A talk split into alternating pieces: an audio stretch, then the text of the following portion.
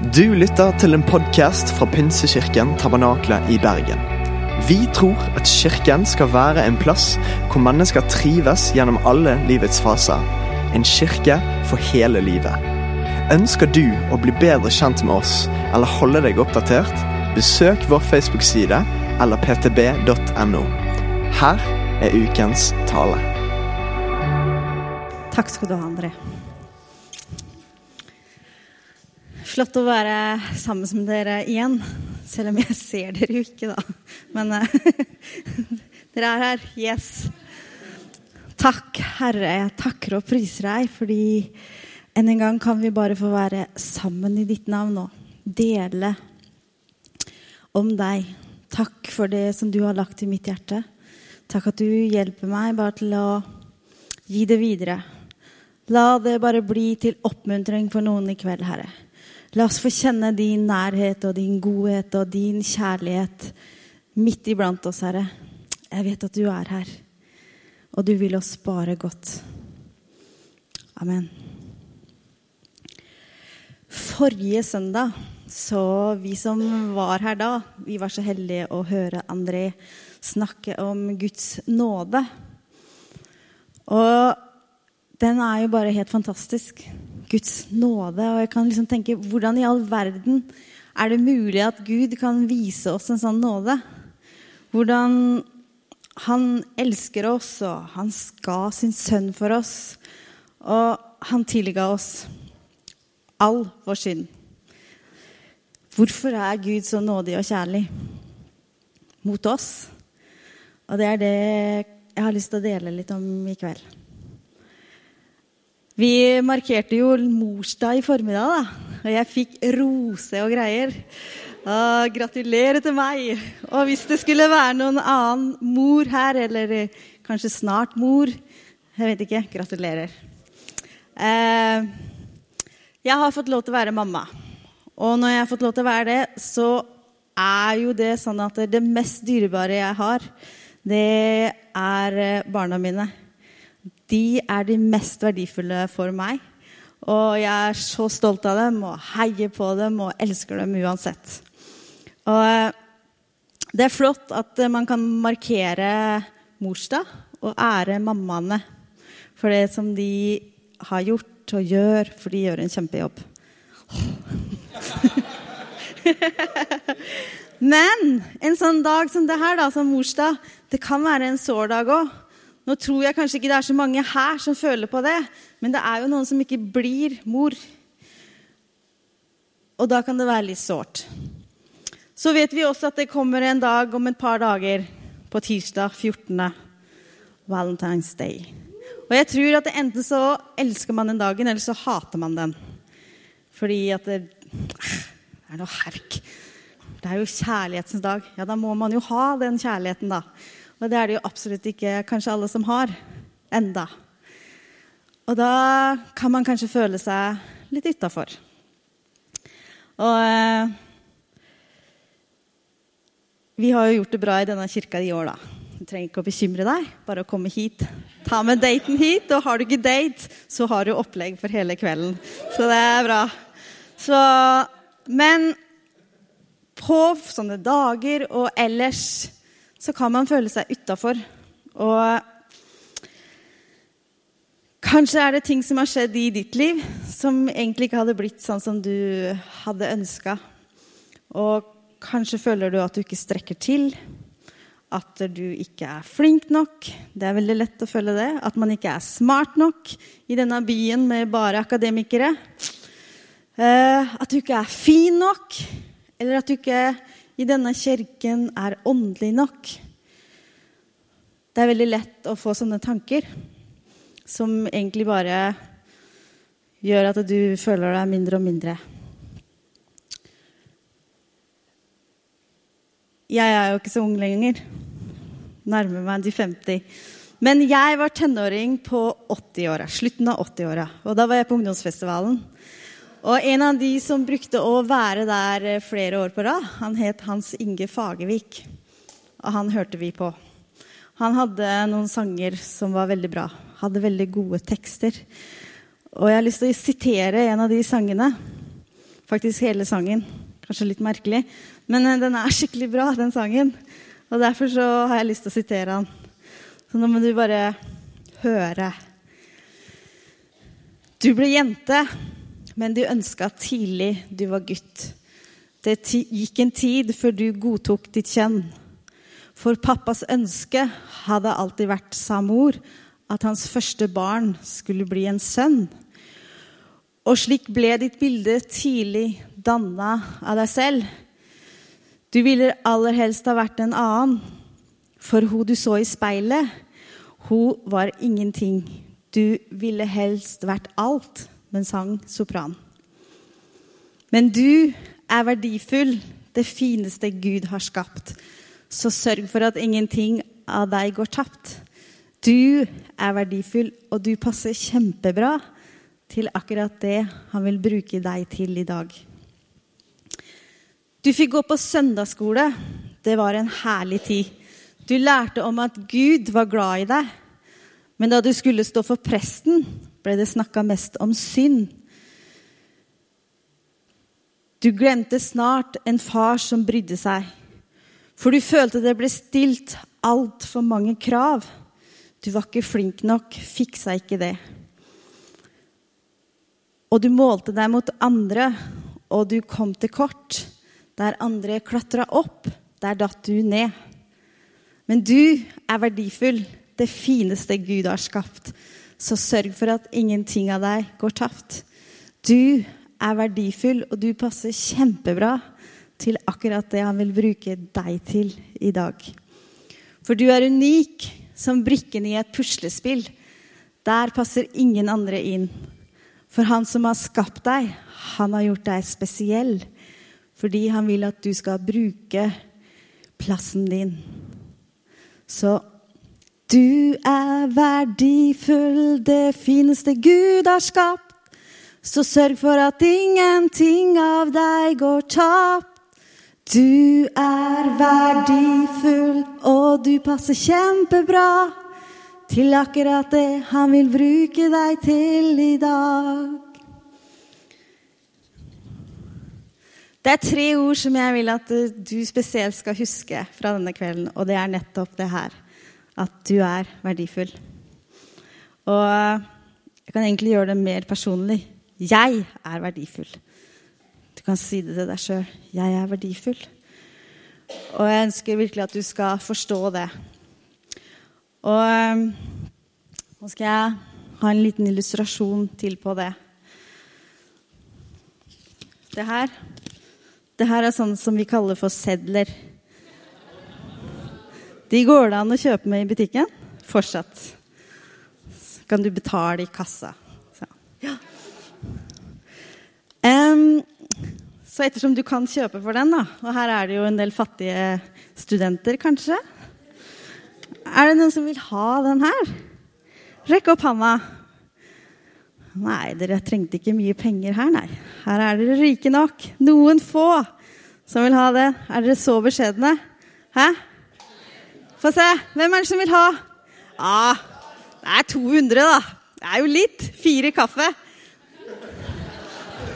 Jeg skal gi bort den 200-lappen. Men jeg bare, skal bare gjøre litt med ham først.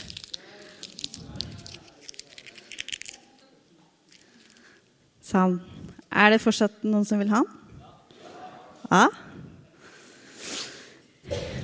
Jeg skal gi den bort, men jeg er ikke helt ferdig med den ennå.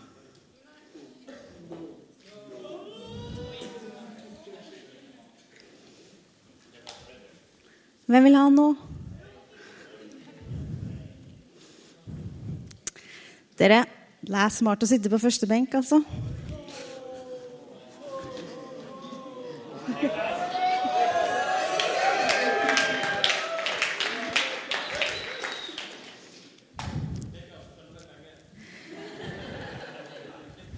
Ser dere det at uansett hva jeg gjør med den seddelen, så er det noen som vil ha den? Fordi dere vet at verdien på den pengen den er det samme uansett åssen den ser ut. Uansett om man er skikkelig krølla, selv om man kan kanskje være revet i to. Hvis du har den riktige delen, så er det noe verdt. Den siste setningen tar vi bort. Men jeg syns det er et herlig bilde for hvordan vi er for Gud. Fordi noen ganger så kan vi føle oss skikkelig krølla sammen. Noen ganger så kan vi føle oss skitne, noen ganger kan vi føle oss skrukkete. Men eh, allikevel så er vi full av verdi for Gud. Uansett omstendigheter og hva som dukker opp. Uansett om vi føler oss verdiløse, så vil vi aldri miste vår verdi. Vi er spesielle. Og du, du er uerstattelig. Uerstattelig. Det er det du er. Jeg har lyst til å lese noen vers fra Bibelen som, sammen med dere som uh, sier litt om hva Gud sier om deg. Vi begynner helt fra førsten av boka, omtrent. Første Mosebok 1.27. Og Gud skapte mennesket i sitt bilde. I Guds bilde skapte han det. Som mann og kvinne skapte han dem. Altså Vi er jo gjort helt perfekt. I Guds bilde. Kan det bli bedre? Gud, han gjorde oss akkurat sånn som han ville ha oss. Perfekte. Skal vi lese videre i salmene? Salme 139. Det er egentlig en fantastisk salme. Litt lang, så jeg skal ikke dele hele her. Men ta for det, slå opp Bibelen og les i den når du kommer hjem. Det som står der. Nå skal vi gå inn i vers 13. Og David hadde virkelig skjønt hvordan vi var skapt, og den verdi vi hadde. Han sier, 'For du har skapt mine nyrer, du har vevd meg i mors liv.' 'Jeg takker deg for at jeg er så underfullt laget.' Underfulle er dine verk, det vet jeg godt. Knoklene mine er ikke skjult for deg. Da jeg ble laget på hemmelig vis og vevd dypt i jorden. Mine øyne, dine øyne så meg da jeg var et foster. Alle dager er skrevet opp i din bok. De fikk form før en av dem var kommet. Du er unik, og Gud visste om deg før du ble til. Og han forma deg akkurat sånn som han ville at du skulle bli. Akkurat så høy. Akkurat den fargen på håret. Akkurat de øynene. Akkurat eh, den personligheten du har. Gud, han laga deg akkurat sånn som han vil ha deg. Lukas skriver også noe, og jeg syns det verset er litt tøft. da. Lukas 12, vers 6 og 7 begynner sånn Selges ikke fem spruver for et par skilling? Jeg vet ikke hva det er, men Og ikke én av dem er glemt hos Gud. Men til og med hvert hårstrå dere har på hodet, er talt. Vær ikke redde, dere er mer verdt enn mange spurver. Er ikke det bra? Men det jeg syns er så bra, det er at det står om at Gud han teller hårstråene våre. Altså, jeg har mye hår. Og når jeg er hos frisøren, så sier alltid frisøren Wow, du har mye hår. Det tar lang tid å klippe meg. vet du. Så det, ja. Men ja, jeg har det. Og til noens fortvilelse hjemme også, så mister jeg ganske mye hår. Jeg kan liksom bare ta sånn detter de ned. Og tenk det at Gud, han vet det. Han liksom har telt de hårstråene. Hvis han har greie på det, da bryr han seg ganske detaljert om oss. Da må vi være ganske viktige. Og det er jo liksom, det står Selv om du føler deg så liten som en liten fugl, så har han ikke glemt deg. Og selvfølgelig er du mye, mye mer verdt enn en liten fugl. Gud, han bare vil si oss gang på gang hvor mye vi har vært. Eh, og I Bibelen kan vi også se i evangeliene og gjennom hele Bibelen hvordan Gud ønsker å løfte mennesker opp. Og jeg har lyst til å ta for meg en kjent mann i Bibelen for oss. Men vi vet kanskje ikke Jeg vet ikke om vi leser så veldig mye i Mosebøkene. Men uh, iallfall Moses. Fortellingen om han kan vi lese om i første Mosebok to, tre og fire, helt fra han ble født. Han skulle jo egentlig ikke levd opp. For det var jo bestemt at alle de førstefødte skulle dø. Så egentlig så hadde han jo flaks ved fødsel. At de greide å gjemme ham bort, og at eh, faraos datter fikk se han, og at hun tok seg av han. Så han fikk jo vokse opp i kongens slott, eller faraos slott. Og hadde det sikkert helt topp. Helt til han skjønte at han ikke var egypter. For da begynte han kanskje å kjenne på at han egentlig ikke hørte hjemme til på det slottet. Og det var jo det også som førte til at han en dag, når han var ute og gikk, hadde blitt voksen, så så han at det var en egypter som plaga en israeler. Og da gjorde han jo det drastisk at han tok livet av den egypteren. Og tenkte kanskje at nå må vel israelerne skjønne at jeg er en av dem. Og at de vil Kanskje jeg kan på en måte ja, få være med i, blant israelerne. Men det skjedde jo ikke. Fordi når han neste dag snakka med et par israelere, så kom jo de med en kommentar. Ok, skal du drepe en av oss også? Og farao fikk jo greie på det her, så det endte jo med at Moses måtte flykte fra alt sammen. Langt bort. Så langt så ingen kunne nå han igjen. Og der måtte han bo i et fremmed land. Jeg tror kanskje at livet hans ble annerledes enn han hadde tenkt seg ut når han var ung.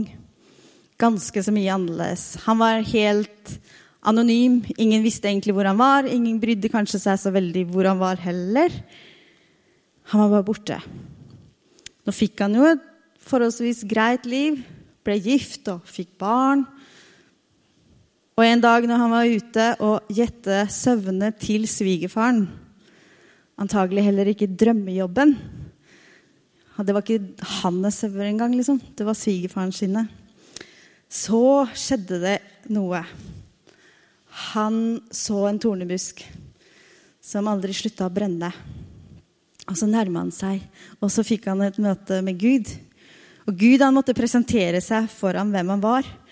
At han var Abrahams gud og Isaks gud og Jakobs gud. Og da skjønte han at her er det noe stort. Og så sier Gud at dere Jeg har hørt ropa til israelerne, og jeg vil redde dem. Og i vers, kapittel 3 og vers 4 så sier han Gå nå du og før folket ut av Egypt, sier han til Moses. Derpå Moses sier, Hæ? Hvem? Hvem er jeg? Kan jeg? Nei. Jeg tror ikke Moses hadde så mye høye tanker om seg sjøl. Så det var uaktuelt. Men Gud sier, 'Jeg vil være med deg'. Ok. Men så sier han Moses sier, ehm, 'Hva om ikke israelitterne vil høre på meg?' Gud svarer, 'De kommer til å høre på deg'. Ok. Men Moses sier seg ikke. Han har ikke fått troen helt ennå på at han kan gjøre noe. Så han sier, 'Hva om de ikke de tror det jeg sier?' Og så gir Gud han en stav som han kan gjøre under med. Han slipper staven, og staven blir til en slange. Han tar staven igjen, og den blir til en stav. Eller han tar i slangen, og den blir til en stav. Og flere ting. Og Gud sier det at du skal vise dem tegn, så de tror på deg. Men så fortsetter Moses og sier han, ja, men jeg kan ikke ordlegge meg. Og så sier Gud, jeg skal være med din munn og lære deg hva du skal si. Altså, Nå måtte vel Moses skjønne det at Gud, han ville bruke han. Men så sier han til slutt, Moses, hør, Herre, send en annen. Moses han følte seg ikke brukbar til det Gud hadde tenkt at han skulle gjøre. Så faktisk så måtte Gud bli sint på han. Og så måtte, For at han skulle skjønne at det faktisk var det han som dugde den, til den oppgaven. Og han fikk også en medhjelper i sin bror. Aron skulle gå med han. Så til slutt så gikk han. Så lite tenkte Moses om seg sjøl. Og Gud måtte bare overbevise ham. Og vi vet det at han gikk. Han gikk på det Gud hadde sagt. Og han ble etter hvert en stor leder. Og han fikk også loven av Gud, og han opplevde masse. Han opplevde å føre folket ut av Egypt og gjennom det døde havet, og de ble fri. Han som ikke trodde han kunne gjøre noe som helst. Moses bare løfta han opp og viste ham det han hadde tenkt han til. Vi ser flere ting av det også i evangeliene. Hvor det, oi, Gud møter mennesker så personlig og bare løfter dem opp.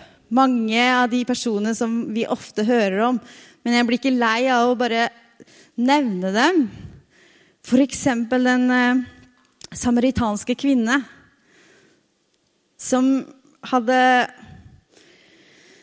tatt masse dårlige valg, og som følte seg så verdiløs og turte ikke å gå ut sammen med andre mennesker, men gikk til brønnen når det ikke var noen andre der.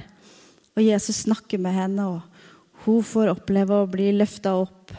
Og ta imot troen og ta imot at det er noe levende vann. Og hun fikk bety noe for hele sin by.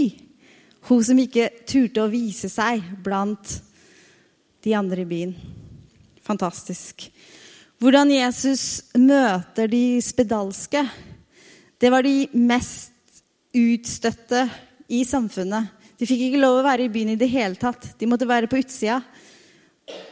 Og de måtte, det eneste de gjorde, var egentlig å vente på å dø. Hvor verdiløs føler du deg ikke da? Når du er helt ustøtt. Men Jesus han bryter de reglene. Han går, han møter dem, han rører ved dem, og han helbreder dem. Bare løfter dem opp og gir dem ny verdighet de kan føle seg verdifull. Og den kvinnen som bare ble slept til Jesus, og de var bare klar til å steine hennes, det var samfunnet. Hun skulle steines, for det var det loven sa. Men hvorpå Jesus bare får vekk de andre, gir dem også litt dårlig samvittighet. Men hvor han løfter henne opp og gir henne en ny sjanse og tilgir henne. Den siste jeg vil nevne, det er eh, Sakkeus. Vi kan jo tenke det at Hæ? Han? Han hadde det vel bra. Han var jo rik. Ja, men det er ikke alltid man føler seg så veldig verdifull selv om man er rik. Eller har det så veldig bra. Nei, for han hadde kanskje egentlig blitt rik på feil måte. Han hadde dårlig rykte. Fordi man brukte liksom å Ofte når vi når snakker om i Bibelen, så sier man syndere og tollere. Det var liksom i samme ord. Så jeg tror ikke egentlig han var så populær. Fordi folk trodde at han stjal penger av dem og tok mer skatt enn det han skulle. Og da følte han seg antagelig ikke heller så veldig verdifull. For antagelig kanskje hadde han stjålet òg. Og derfor så, når Jesus kom til byen, så var jo ikke han sammen med hele folkemengden og ville se Jesus sammen med de. Nei, han, han gjemte seg egentlig. Og vi snakker jo ofte om at han var liten. Det kan jo så være. Men eh, jeg tror kanskje han ikke helt turte å henge med i folkemengden. Så han fant sitt eget sted og klatra opp i et tre og tenkte at ok, da får jeg i hvert fall se Jesus når han går forbi. Og tenk hvordan Jesus bare kommer til han og roper navnet hans, og han kommer ned, og så sier han Sakkeus, jeg vil være med deg hjem.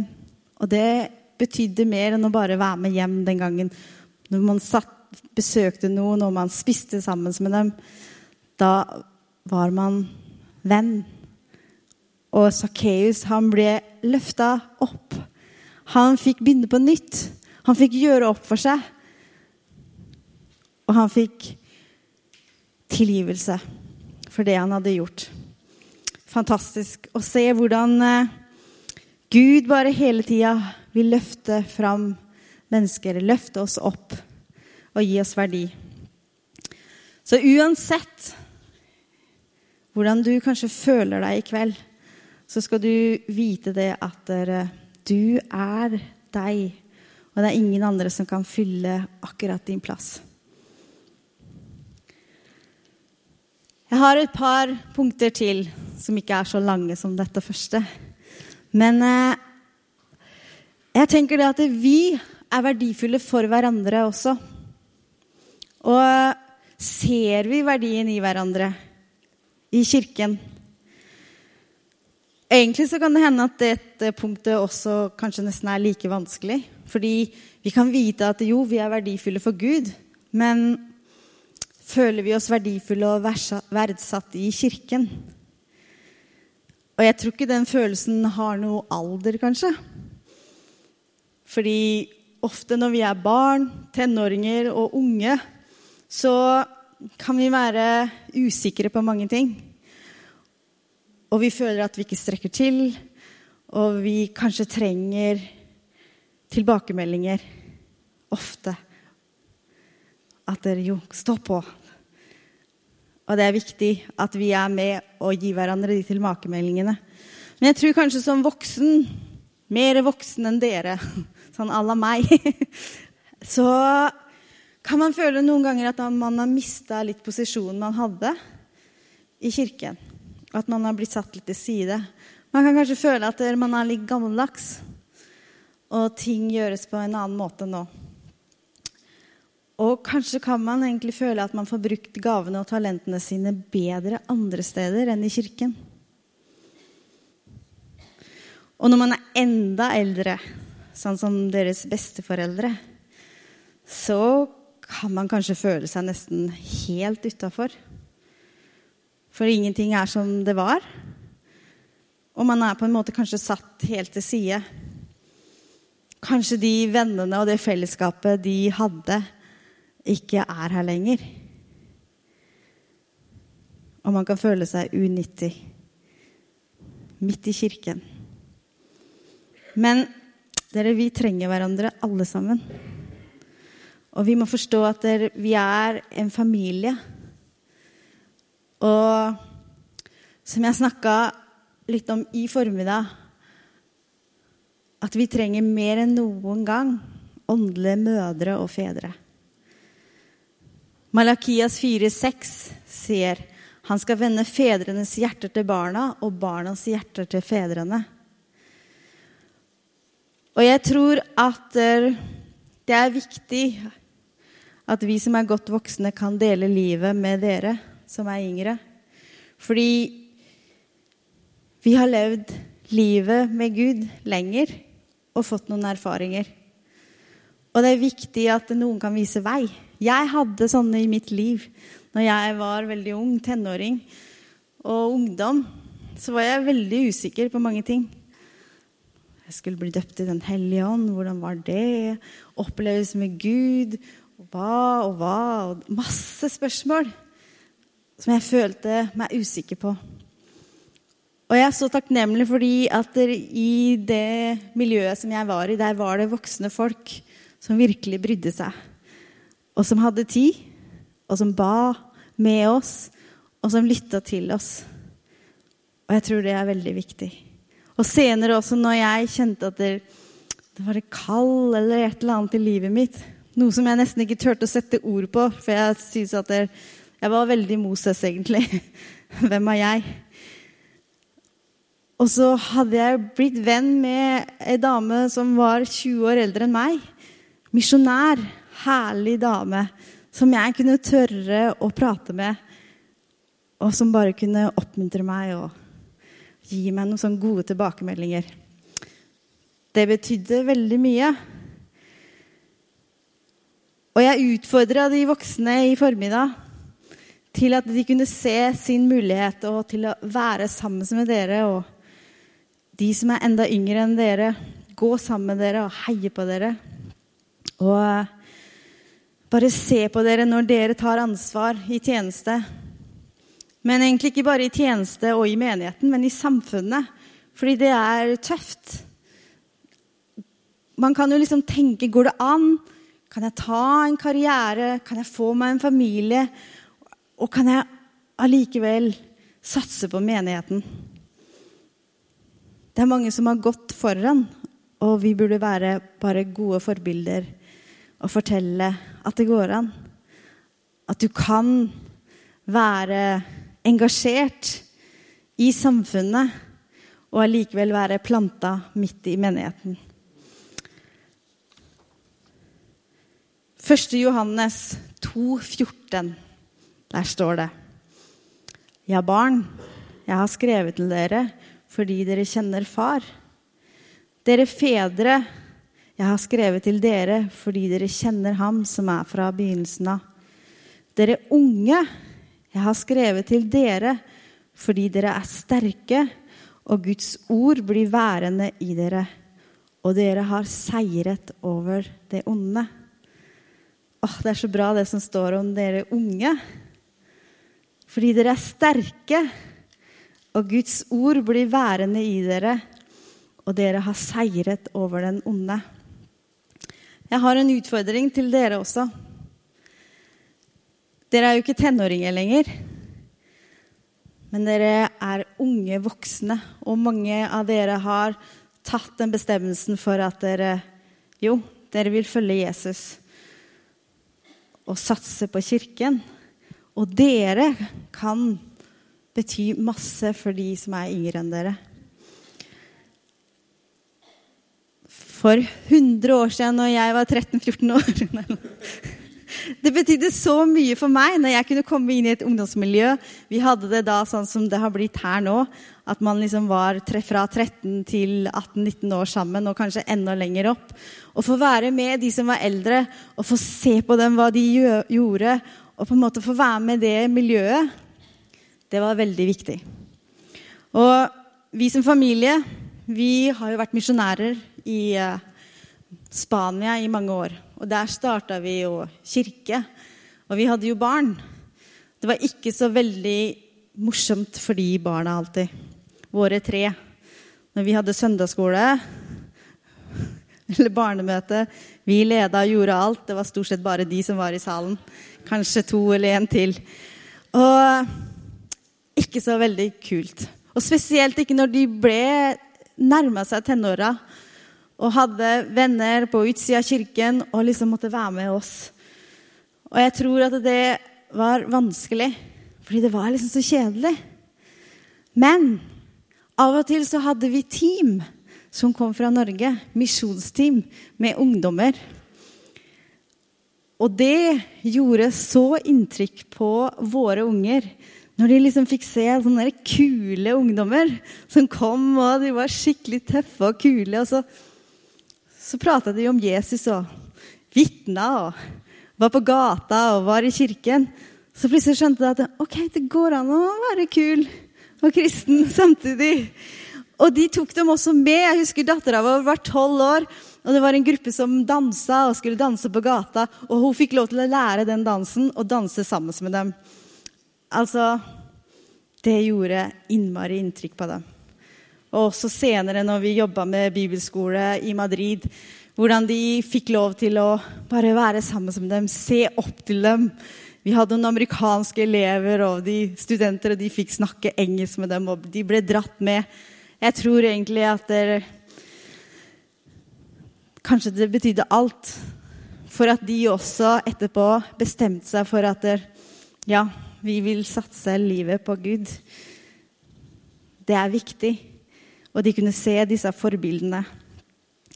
Så det dere er med å gjøre for tenåringene, det er viktig. De ser opp til dere. De har en tøff hverdag hvor de dras litt mellom kirka og mellom alt det som vennene deres har lyst til å ha dem med på. Og så ser de dere, hvordan dere bare har passion for Gud, hvordan dere bare satser alt, og så er dere kule samtidig. Det er gull verdt. Så bare vit det. Og også når dere går så langt ned at dere tar med barna. At de får være med, som når vi hadde Store søndag her. Dere aner ikke hvor mye dere betyr for dem og hvilke forbilder dere er. Så du er verdifull for kirken og for fellesskapet. Og det er viktig at vi ser hverandre, alle, og skjønner hvor verdifulle vi er for hverandre. Helt kort til slutt så har jeg ett punkt til. Og det har vi kanskje snakka og hatt mye fokus på. Men de er verdifulle. Hvem er de? Jo, de som ennå ikke tror. De er dyrebare, og de er verdifulle for Gud. Titus 3,4 sier men det ble åpenbart hvor god vår Gud og frelser er, og at han elsker menneskene. Han elsker alle de som ikke er her. Og de er så verdifulle. Så vi er viktige for de som ennå ikke tror, for at de skal kunne tro. Og som vi har også snakka om i kirken her, så kan vi få være en bro. Og så kan vi få vise dem vei til Gud og hans kjærlighet. Lukas 24, 47 sier i hans navn skal omvendelse og tilgivelse for syndene forkynnes for alle folkeslag, også bergensere. Og dere skal begynne i Jerusalem. Dere er vitner om dette. Vi skal gjøre det, og Jerusalemet vårt, det er jo her i Bergen. Og jeg er sikker på at vi skal få være vitne til at mange skal få begynne å tro. At de skal få oppleve Gud, og at de skal få oppleve det vi har opplevd. At de også er så dyrebare og verdifulle. Jeg har lyst til å avslutte med en bønn fra andre Tessalonikerne 2, 16 og 17.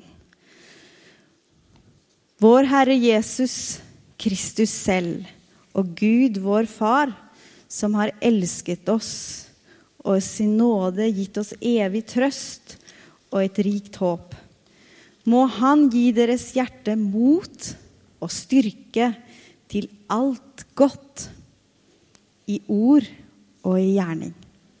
Må Gud gi oss mot, og må Gud gi oss styrke til alt godt i ord og i gjerning. Fordi at dere Du er verdifull. Det fineste Gud har skapt.